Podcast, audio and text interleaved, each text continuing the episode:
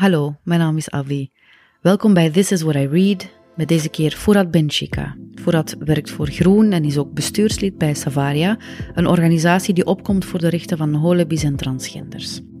Ik praat met hem over het boek Niemand zal hier slapen vannacht, van Rashida Aziz. Daarin deconstrueert Rashida de wereld zoals we die kennen, wit, patriarchaal en kapitalistisch. Ze gebruikt persoonlijke anekdoten om de wereld te fileren, maar haalt ook heel wat auteurs, filmmakers en denkers aan in haar boek. Hier is voordat hij vertelt eerst waarom hij heeft gekozen voor Niemand zal hier slapen vannacht. Ja, in eerste instantie omdat ik Rashida natuurlijk ook ken en uh, mag zeggen dat ze een vriendin is. Um, en in al onze gesprekken heeft ze mij altijd geïnspireerd. Dus was het nogal uh, voor de hand liggend dat ik uh, al zeer nieuwsgierig was naar haar, uh, naar haar boek. En um, ja, de verwachtingen zijn wel meer dan uh, ingelost geweest. Ja, vertel.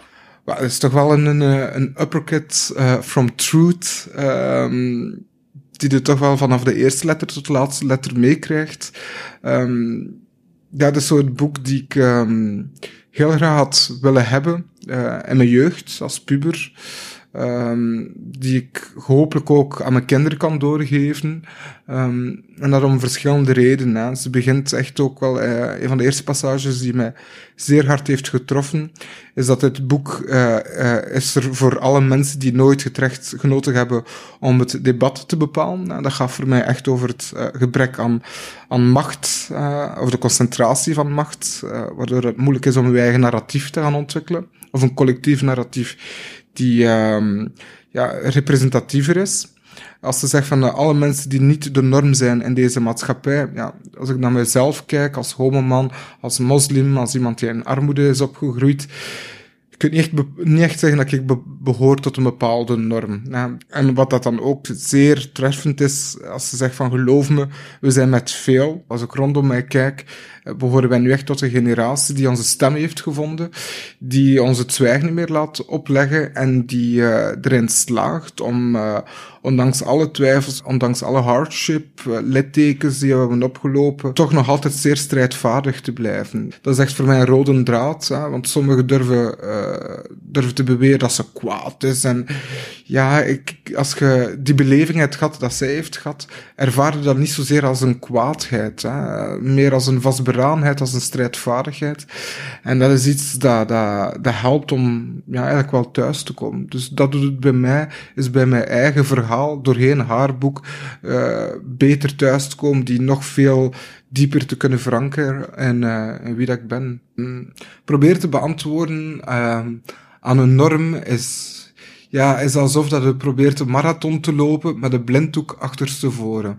Je weet nooit wanneer dat je die eindstreep haalt. Mm -hmm. Daarom dat het zeer belangrijk is dat je je eigen wedstrijd loopt. Hè? Dat je je eigen verhaal maakt, dat je je eigen identiteit ontwikkelt. Hoe moeilijk dat dat ook is, hoe... Uh, ja, hoe hard dat je daar soms ook een prijs voor betaalt. Uh, maar dat je vooral niet onderhandelt over wie dat je wilt zijn of zijt. Dat, dat geluk heb ik gehad om met een moeder op te groeien zoals die van mij, die misschien niet kon lezen of schrijven, maar die nooit heeft onderhandeld over wie dat ze wilde zijn of wie dat ze was. Um, als je zo'n voorbeeld krijgt natuurlijk van, van, van kinds af aan mee, ja, dan, dan durfde gewoon um, de prijs te betalen dat nodig is. De prijs betalen die nodig is. Ik hoorde die zin eerst tijdens het interview, maar hij viel me niet op. En dan hoorde ik hem tijdens het herbeluisteren. En ik besefte hoe nonchalant deze zin is uitgesproken. De prijs betalen die nodig is. Wie als de ander wordt gezien, die moet maar twee keer zo hard werken. Die moet shit over zich heen krijgen, moet er maar tegen kunnen. Want dat is nu eenmaal de prijs betalen die nodig is. Ja, dat, is uh, dat is het leuke aan ouder worden. Als je dicht bij jezelf blijft, dat je voor jezelf al heel goed weet wanneer dat je je achterstand hebt ingehaald. En dat heb ik nu toch wel al een paar jaar. Het heeft lang geduurd. Het heeft zo, rond mijn dertigste is zo wat kantelmoment gekomen. Heb ik zo het gevoel dat ik niet meer in armoede leefde. Maar uh, als ik achterom kijk, En ik zie wat de, wat de prijs dat ik daar ook psychisch, op termen, en, in termen van welzijn, heb voor betaald. Hoop ik oprecht dat de volgende generatie niet zo'n hoge prijs moeten betalen. Want in alle eerlijkheid, het is een wonder dat ik hier ook zit. Mm. Uh, een paar keer is het wel heel donker geweest in mijn hoofd. Uh, en ik zit hier ook omdat er ook heel wat mensen rondom mij uh, mij hebben gesteund, uh, bondgenoten geweest zijn, mij hebben er hebben doorgesleurd op de cruciale momenten. Dus ehm, door het boek te lezen heb ik mijn eigen verhaal of het proces dat ik binnen mijn eigen biografie heb afgelegd, kon ik die veel beter gaan begrijpen. Niet dat ik onwetend was, verre van zelf, maar uh, het iemand anders over vertellen uh, of iemand anders een verhaal over vertellen, haar eigen ervaringen vertellen en het gevoel hebben dat dat zo gelijklopend is, waardoor dat je bijna een nieuwe woordenschat ontwikkelt in jezelf en daardoor dichter bij je eigen verhaal komt.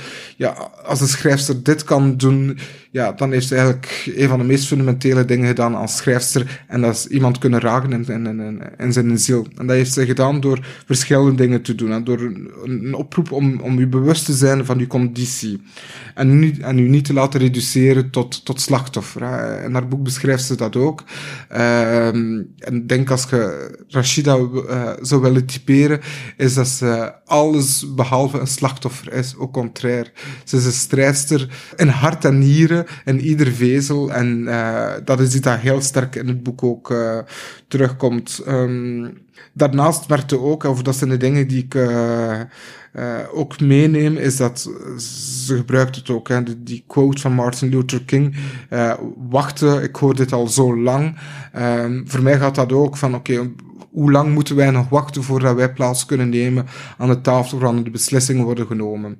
En daarbij uh, aansluitend moeten we eigenlijk nog wachten het is aan ons nu om gewoon een stoel te pakken, plaats te maken en gewoon die stoel aan tafel te laten schuiven. We hebben lang genoeg gewacht. Uh, mijn moeder heeft altijd gezegd als ik, uh, als er weer een akkefietje was of een incident was op school of uh, maakt niet uit. En, ze zag dat ik het moeilijk had, beloofde ze me dat het beter ging zijn als ik volwassen was.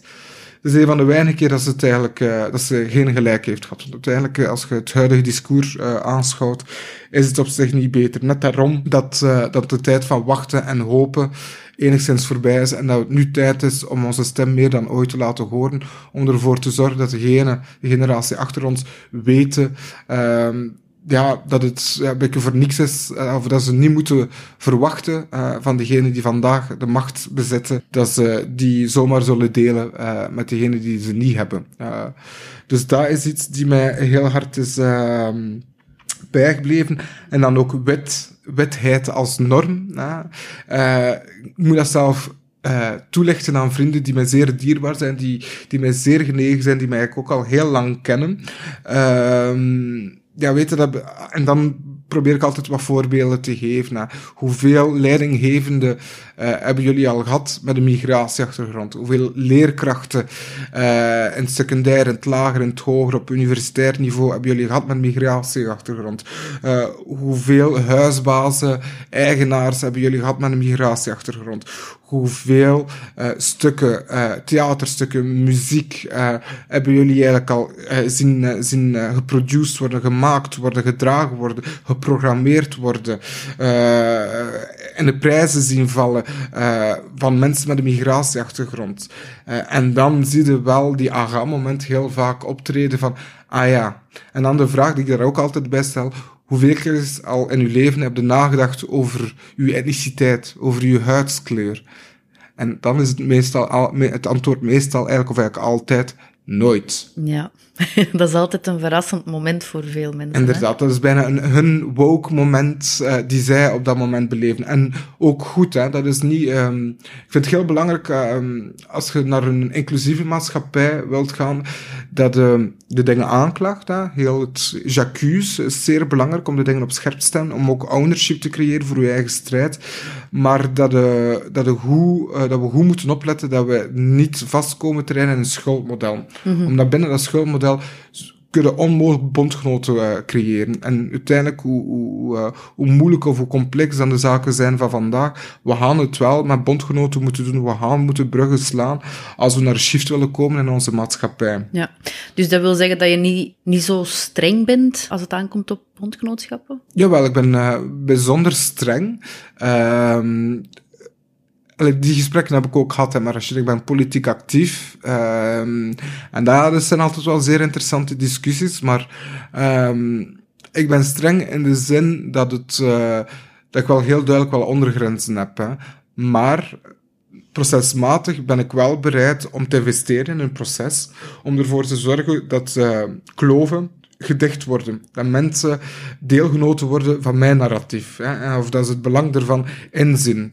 Uh, waar ik niet in geloof, uh, is dat je daar kan blijven en blijven in investeren. Er zijn heel wat vrienden van mij die ook dicht bij mij staan, die soms een vraagtekens plaatsen bij mijn politiek engagement, die dat naïef vinden, die uh, van mening zijn van er gaat niks veranderen aan dit systeem, we gaan gewoon hetzelfde zeer elitair, ja, uh, narratief blijven reproduceren. Ik geloof eigenlijk het tegendeel. Ik geloof echt wel dat, uh, dat we dat narratief kunnen gaan doorbreken. Zie maar naar de midterms election nu in Amerika. Ja, nog nooit zoveel mensen van kleur zijn verkozen geweest. Nog nooit zoveel vrouwen zijn verkozen geweest. Uh, ondanks alle negativiteit en polariserende discours die eigenlijk als een vloedgolf over ons heen komt, is er ook een tegenbeweging. En dat is mijn focus. Om die tegenbeweging zoveel mogelijk te voeden, te helpen organiseren en proberen ervoor zorgen dat die machtsstructuren uh, ja, doorbroken worden, maar ook dat onze mensen, en dus gaan we niet zoveel ons horen zeggen, maar ik zeg wel onze mensen, al diegenen die niet beantwoorden aan een norm, wel eigenlijk doorgang, of uh, toegang krijgen tot, uh, tot, tot de plaats aan, uh, aan de tafel waar de beslissingen worden genomen. Um, maar hoe zou je zoiets dan concreet kunnen aanpakken? Ja, door u te engageren. Hè, door u te engageren in het onderwijs, door u te engageren in, de culturele sector, door de verhalen te vertellen die niet worden verteld, door uh, uw politiek te engageren, door ervoor te zorgen dat de beleidsmatig echt kan wegen op het beleid. Uh, hoe traag dat dat ook mag verlopen. Ja. Uh, maar stel dat je nu een hele partij moet overtuigen van een, van een bepaald standpunt, waar je zelf als activist, uh, ik noem jou nu even activist, misschien is dat helemaal niet zo, maar um, stel dat je hen moet overtuigen van een bepaald standpunt, hoe, hoeveel energie kan je daarin steken? Dat is een zeer pertinente vraag, hè? want um, ja, we moeten eerlijk zijn politieke partij de dag van vandaag representatief zijn ze niet. Hè. Daar hebben ze nog een hele lange weg in te leggen, waardoor uh, zaken die voor mij heel belangrijk zijn, uh, niet, niet altijd door heel veel mensen worden bepleit. Ja, dat is een de story of our life. Hè. We, zijn meestal de, uh, de enige niet-witte in, in, de ruimte, ongeacht de context van die ruimte. Um, dus on, dus het is zeer belangrijk om daar te, in te gaan mobiliseren. Dat is mijn ervaring. Uh, um, je hoeft het werk niet alleen te doen. Je hoeft, je hoeft heel goed te mobiliseren. Goed proberen duidelijk te maken waarom dat belangrijk is. Dus sense of urgent is daar zeer, zeer belangrijk in. En proberen daar zoveel mogelijk mensen proberen in mee te krijgen. En daar ook enigszins geduldig in te zijn.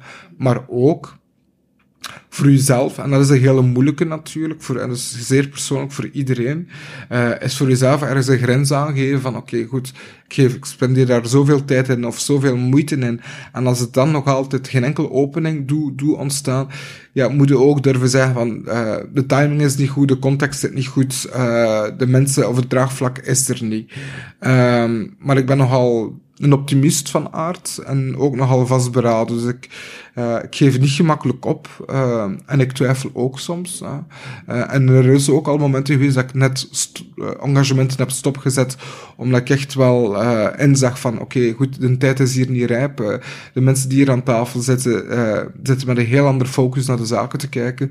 En ik ben dan de enige die op dat moment een ander narratief probeert op tafel te, te, te leggen die, die niet wordt opgepikt. Dus die eerlijkheid of die serieus heb ik ook voor mezelf, voor mijn eigen uh, ja, welzijn. Um, maar ook, ja, we moeten eerlijk zijn, soms uh, kunnen de dingen nog niet direct veranderen. Ik hoop wel dat, dat, dat wij, we zijn allebei eind dertig, ja. dat wij dit nog, nog wel mogen meemaken. Ja, inderdaad, ik heb dat ook. Ja.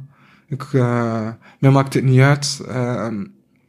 Allee, maakt wel uit dat het, uh, dat het misschien wel echt nog lang gaat duren, maar ik heb vrede mee, tussen ermee dat ik zeg van ik ben vastberaden, net omdat ik echt wel pertinent geloof dat het aan het gebeuren is. Je ziet het bij de, bij de jongere generatie. Ze zijn veel minder gecomplexeerd dan wij. Ze zijn veel minder aan het struggelen. Nee, de maatschappij maakt het er nog altijd moeilijk, maar vanuit hun eigen beleving van wie dat ze willen zijn en kunnen zijn uh, en zijn, uh, merkte dat ze um, veel meer ruimte kunnen innemen voor zichzelf om dat ook te zijn. En dat is iets dat wij niet hebben gehad. Uh, die zichtbaarheid van die diversiteit is nog nooit zo groot geweest. Ja. Ik ben opgegroeid in Knokken. En als enig kind om plus, en we hadden nog één ander Marokkaans gezin die we, waar we niet echt contact mee hadden, maar dat was het dan. Ik had geen enkel rolmodel in mijn leven. Vandaag is dat een heel andere, heel andere realiteit. En dat is toch wel uh, ja, positief. Uh, en je merkt aan die jonge gasten gewoon niet zwijgen. Mm -hmm. ik, uh, heel het verhaal, ik ben heel blij dat ze dat uh, heel scherp heeft kunnen stellen en ook onderbouwd, is heel het verhaal van institutionele racisme. Hè. En welke bepaalde factor dat het ook heeft naast armoede om uh, ja, structurele ongelijkheid te blijven reproduceren, los van alle beleidsinitiatieven die eigenlijk ontoereikend zijn. Hoe heeft uh, institutioneel racisme persoonlijke gevolgen voor jou ja, gehad? Dat is uh, begonnen van zeer jongs af aan. mijn ouders zijn niet echt geschoold. mijn vader heeft net het middelbaar niet afgemaakt. Mijn moeder uh, is ongeletterd. Uh, mijn ouders spraken toen ik nog heel klein was, dus 6, 7 jaar, uh, Frans en Tunesisch en Arabisch. en ik hoorde Nederlands. En op een gegeven moment moet ik blijkbaar die drie talen, plus nog een keer West-Vlaams, om het nog wat complexer te maken. Um, op een gegeven moment sloeg ik die talen doorheen. Kon ik echt volzinnen maken in die drie talen. En werd dat gepercipieerd als een probleem. Wat was dan het advies van, het, uh, van school? Is dat uh, mijn ouders geen Arabisch meer spraken tegen mij. Uh, enkel Frans. Frans is niet een moedertaal. Spraken dat zeer gebrekkig en nog steeds. Um, en dat op school dan gewoon Nederlands werd gesproken. Dus ik werd eigenlijk op dat moment enigszins beroofd van mijn moedertaal. Hè. Mijn moedertaal van mijn ouders is het Arabisch, dus logisch gewijs zou dat dan ook mijn moedertaal moeten zijn. Um, dat heeft het niet opgelost. Integendeel, dat heeft enkel maar veel erger gemaakt. Waardoor dat we dan uh, in een situatie zijn terechtgekomen waar ik uh, door werd verwezen naar het bijzonder onderwijs. Waar ik daar eigenlijk het grootste deel van mijn lager heb gedaan. Ik ben daar bijzonder ongelukkig geweest omdat ik uh, nog altijd, ik ben altijd een zeer nieuwsgierig kind geweest, die wel gevoelsmatig wel al zeer sterk was. Ik voelde tot in mijn kleine vezel dat dit niet klopte. Dat ik wel beter kon, dat mijn taal misschien niet goed zat, maar dat dat niet de facto betekent dat ik uh, intellectueel minder bekwaam was. Dat ik misschien een andere manier of wat ondersteuning nodig had om uh, mee te kunnen of mijn achterstand daar kunnen in te halen. Uh, de, de automatisme waarmee dat ik dat dit is gebeurd. Hè. Uh, van ja, zijn taal is niet goed, dus intellectueel zal het ook wel voor de rest niet goed zijn. Is niet enkel een verhaal van mij, maar is bijna een verhaal van een hele generatie uh, van, uh, van jongens en meisjes met een migratieachtergrond die taalmoeilijkheden hadden, taalachterstand hadden opgelopen en die daardoor, ehm, ja, eigenlijk wat ik naar de marge van het onderwijssysteem werden doorgesluist. Mm -hmm de koppigheid heb ik van mijn moeder. Uh, en godzijdank. Uh, want toen de keuze na het zesde studiejaar ter sprake kwam, was dat logisch gewijs volgens het school Buzo. Ik wou als kind eigenlijk danser worden. Ja. Dat was mijn grootste droom. Ah. ik wou ballet doen, ik wou jazz gaan doen. als ik naar dans keek of naar, naar Rosa's keek, mm -hmm ja, was dat dit wat ik wilde. Maar besefte ik ook van, ja, dit is niet, dat gaat nooit lukken. Ja, Eén, omdat mijn ouders dat niet zo willen. En twee, omdat ik, ja, in het systeem zat die mij dat ook niet toeliet. Um, ik ben dan letterlijk echt wel in hongerstaking gegaan. Ik heb gezegd van, ik wil niet naar Buzo. We zijn zo één dag gaan, uh, gaan kijken naar de Buzo. En dat was zo'n tuinbouw. Dat was blijkbaar al beslist in mijn plaats. Het zal tuinbouw worden. Wow. Dat heeft een paar dagen geduurd. En ik heb geluk had dat mijn moeder wel aanvoelde op tijd en stond als het menen was. Als ik echt zoiets van dit, no passaran. Ja. Uh, en ze had dan ook zoiets van, oké okay, goed, dat gaan we dan niet doen. Uh, het is dan beroeps geworden in, um, in Zeebrugge, uh, waar mijn, de wens van mijn vader was om mijn, van mij een garagist te maken. For God's sake, wat een idee. en uh, wat er daar belangrijk is op die school was in Zeebrugge, is dat letterlijk echt uh, bijna van, van dag één uh, mij heel duidelijk is gemaakt dat ik niet op mijn plaats zat, dat ik niet welkom was. En dat zit in mijn kleine dingen. Hè. Dat gaat over ik die zogezegd niet mee aan het prevel was, onze katholieke school, met onze vader, en die dan letterlijk de eerste schooldag als straf kreeg om honderd keer onze vader te, uh, te moeten oh, overschrijven, tot uh, ik die strafstudie kreeg omdat ik reageerde op medeleerlingen die heel de dag door uh, racistische uitlatingen naar mijn kop wierpen. Ja. Uh, leerkrachten die, um, ja, die soms ook fysiek geweld gebruikten tegen mij en ik die hmm. mij verzette. Uh, tot de huisbaas later, uh, die weigerde om mij, om mij te verhuren. Maar als ik dan met mijn beste vriendin um, op bezoek kwam en deed alsof dat het mijn uh, vriendin was, dan was het wel in orde. Um, ja. Alle jobinterviews die ineens opgelost waren als ze mij zagen. Ja. Uh, allee, ik kan uren en uren en uren en uren doorgaan. Ja. Um, maar wat dat voor mij naast het institutionele racisme uh, dimensie is, is het ook zeer anekdotisch. En daar kan ik wel even heel lang over doorgaan, maar dat ga ik niet doen. uh, ik weet dat onze tijd beperkt is. Maar wat dat er misschien wel belangrijk is om en, te vermelden, is het uh, stilzwijgen van, van, van toeschouwers. Ja, daar heb ik een hekel aan. Ja dat is wat dat soms voor mij nog kwetsender was. Ik heb het uh, van de zomer nog meegemaakt op de trein met de treinbegeleider die zeer uh, denigrerend was en verbaal zeer agressief.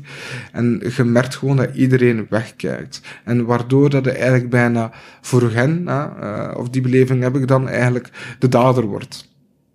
Hoe, hoe hard dat je ook probeert om rustig te blijven. En dat is ook een van die dingen die, of van de zaken die mij zeer hard is, is bijgebleven en ik ook ehm, dat gevoelsmatig ook heel hard voel dat, dat zowel Rashida, maar wij als generatie uh, een grens hebben bereikt en wat dat we nog kunnen en willen incasseren. Iedere keer als je uh, slachtoffer bent of in een situatie terechtkomt waarin dat uw bestaan uh, ondermijnd wordt of waar mensen u proberen uit te wissen, want daar gaat het iedere keer om. Het niet beantwoorden aan de norm is om u te verplichten om te beantwoorden aan de norm. En als je dat niet wilt doen, gaan we u uitwissen. Mm. Is uw bestaan niet legitiem? Um, en, de, allee, en dat is wat dat zoveel van ons vraagt en gedurende het hele leven. En dat heb ik ook intussen aanvaard, dat dat iets is dat we heel ons leven gaan moeten doen, is continu altijd de grotere persoon te zijn. Proberen altijd rustig te blijven, beleefd te blijven. En af en toe mislukt dat.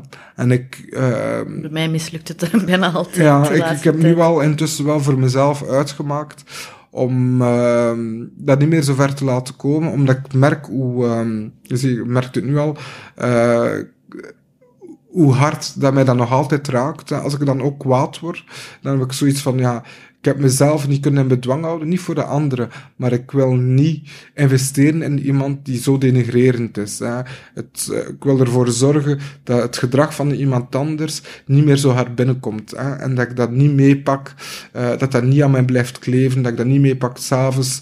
Uh, want ja, dat is, dat is niet voor de ene avond, dat is voor een paar, paar dagen, tegen dat dat weer uit mijn systeem is. En als ik dat in de weegschaal moet leggen, denk ik van ja, je zet degene die mij aanvallen of mij proberen te reduceren of mij proberen uh, uit te wissen, zijn eigenlijk de armen van ziel en niet ik. ik. Er zijn zoveel mensen die hetzelfde narratief aan het vertellen zijn, maar het zijn er zo weinig die gehoord worden. Ja. Uh, en net daarom dat het zo ook belangrijk is dat ze dit boek heeft geschreven. Ik heb dat zo in een, in een reeks gelezen. Uh, haar boek en dan Zwijgen Allochtoon van Rashida Lamrabet. Uh, en dan het boek van, van, van Shukri Benchika, De Terugkeer van de Barbaar.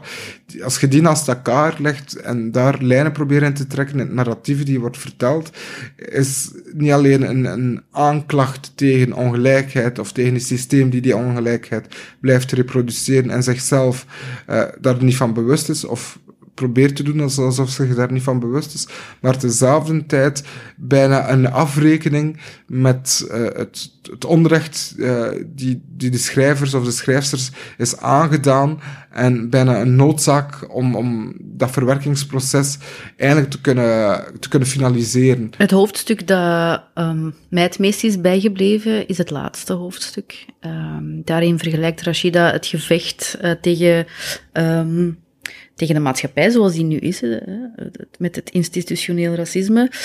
Ehm, ze vergelijkt dat uh, met een ongezonde relatie. Uh, ze schrijft uh, ook dat ze weigert te onderhandelen over haar menselijkheid. Ze zegt dat, ze er eigenlijk, dat er eigenlijk nooit een gesprek is geweest. We hebben de beste bewijsvoering om racisme te bewijzen, um, maar het vreet onze energie op, want de bottom line is, mensen willen het gewoon niet weten.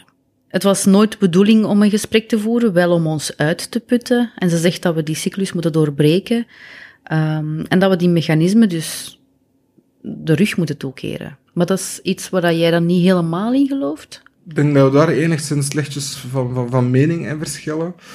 Um, omdat, ja, uiteindelijk, als je verandering wilt, uh, als je impact wil hebben, um, ja, hadden met elkaar aan tafel moeten kunnen gaan zitten. Uh, Niettemin, ja, snap elkaar volledig. Hè. Het is bijzonder vermoeiend om telkens opnieuw discussies moeten te gaan hebben met mensen die racisme relatief vinden, die uitsluiting relatief vinden, die uw bestaan relatief vinden. Uh, en daar te proberen in te investeren. Maar mijn boodschap daarin, of mijn uh, kijk op, op, op, op die zaken, is dat ik uh, zo, zo goed mogelijk probeer ervoor te zorgen dat ik met mensen aan tafel zit die enigszins wel bereid zijn om te luisteren. Die enigszins uh, wel mogelijke potentiële bondgenoten zouden kunnen zijn. Um, en dat is wat het vermoeiden is als je behoort tot een minderheid. Uh, maar in twee richtingen. Als, als, als iemand van kleur, maar ook als, als homoman. Um, heb je bijna de, de opdracht, als je dat nu wilt of niet, om de mensen bijna te gaan, need to teach them -hmm. Ja, hoe, allee, hoe dat het leven eigenlijk echt ineens zet en hoe complex dat het is. En hoe, um, hoeveel gezegd dat de waarheid van de realiteit eigenlijk kent. Um, en dat is een hele moeilijke, want ze gaat niet op hunzelf doen. Want ze zitten in hun eigen bubbel en hun eigen waarheid opgesloten, die door alles wordt bevestigd. En hij komt daar dan om die bubbel te gaan doorprikken. Maar wij hebben het onszelf ook allemaal aangeleerd. Waarom zouden witte mensen het zichzelf niet kunnen aanleren? Ja, omdat ze nooit uh, in een situatie zijn terecht te komen of nooit de noodzaak hebben gevoeld om een die kritische vraag te gaan stellen. Waarom is er ongelijkheid als je daar geen deelgenoot van bent van die ongelijkheid? Als je nooit in armoede hebt geleefd of altijd weelde hebt gekend, ja, waarom zou u in godsnaam gaan, gaan, gaan afvragen of de ernst van, van armoede kunnen, kunnen gaan inzien? Als je nooit uh, in elkaar zijn geslagen geweest omdat je met, u, met, met uw vriend hand in hand loopt, ja, kunnen ook niet begrijpen waarom dat het niet oké okay is om mensen al dan niet ma te mannelijk of te vrouwelijk te gaan bestempelen. Dus die, die, um, die doorleefdheid van, van een emancipatiestrijd is daar zeer cruciaal in, als inspiratiebron voor de anderen. Rashida gaat daar wat, wat scherper in en gaat daar wat verder in, maar ik heb ook wel mijn eigen parameters daarin die ik, uh, die ik daar toch wel in ga hanteer. Ja. Wat heeft het boek jou geleerd? Goed voor uzelf te zorgen in eerste instantie u niet laten te misleiden door de twijfelaars rondom u. Uh, en ook dat we echt wel met velen zijn.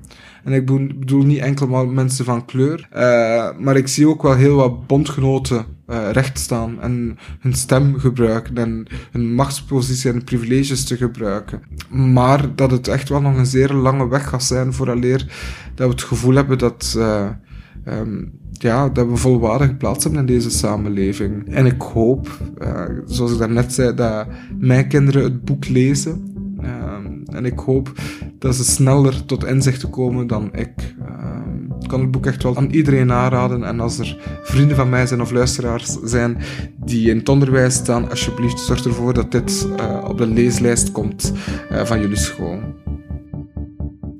Dit was This is What I Read met Forat Benchika over het boek van Rashida Aziz. Niemand zal hier slapen vannacht. Er komt nog zoveel moois aan. Dus subscribe als wie de weerga. Op iTunes, op Spotify, op Soundcloud. Tot de volgende keer. Bye.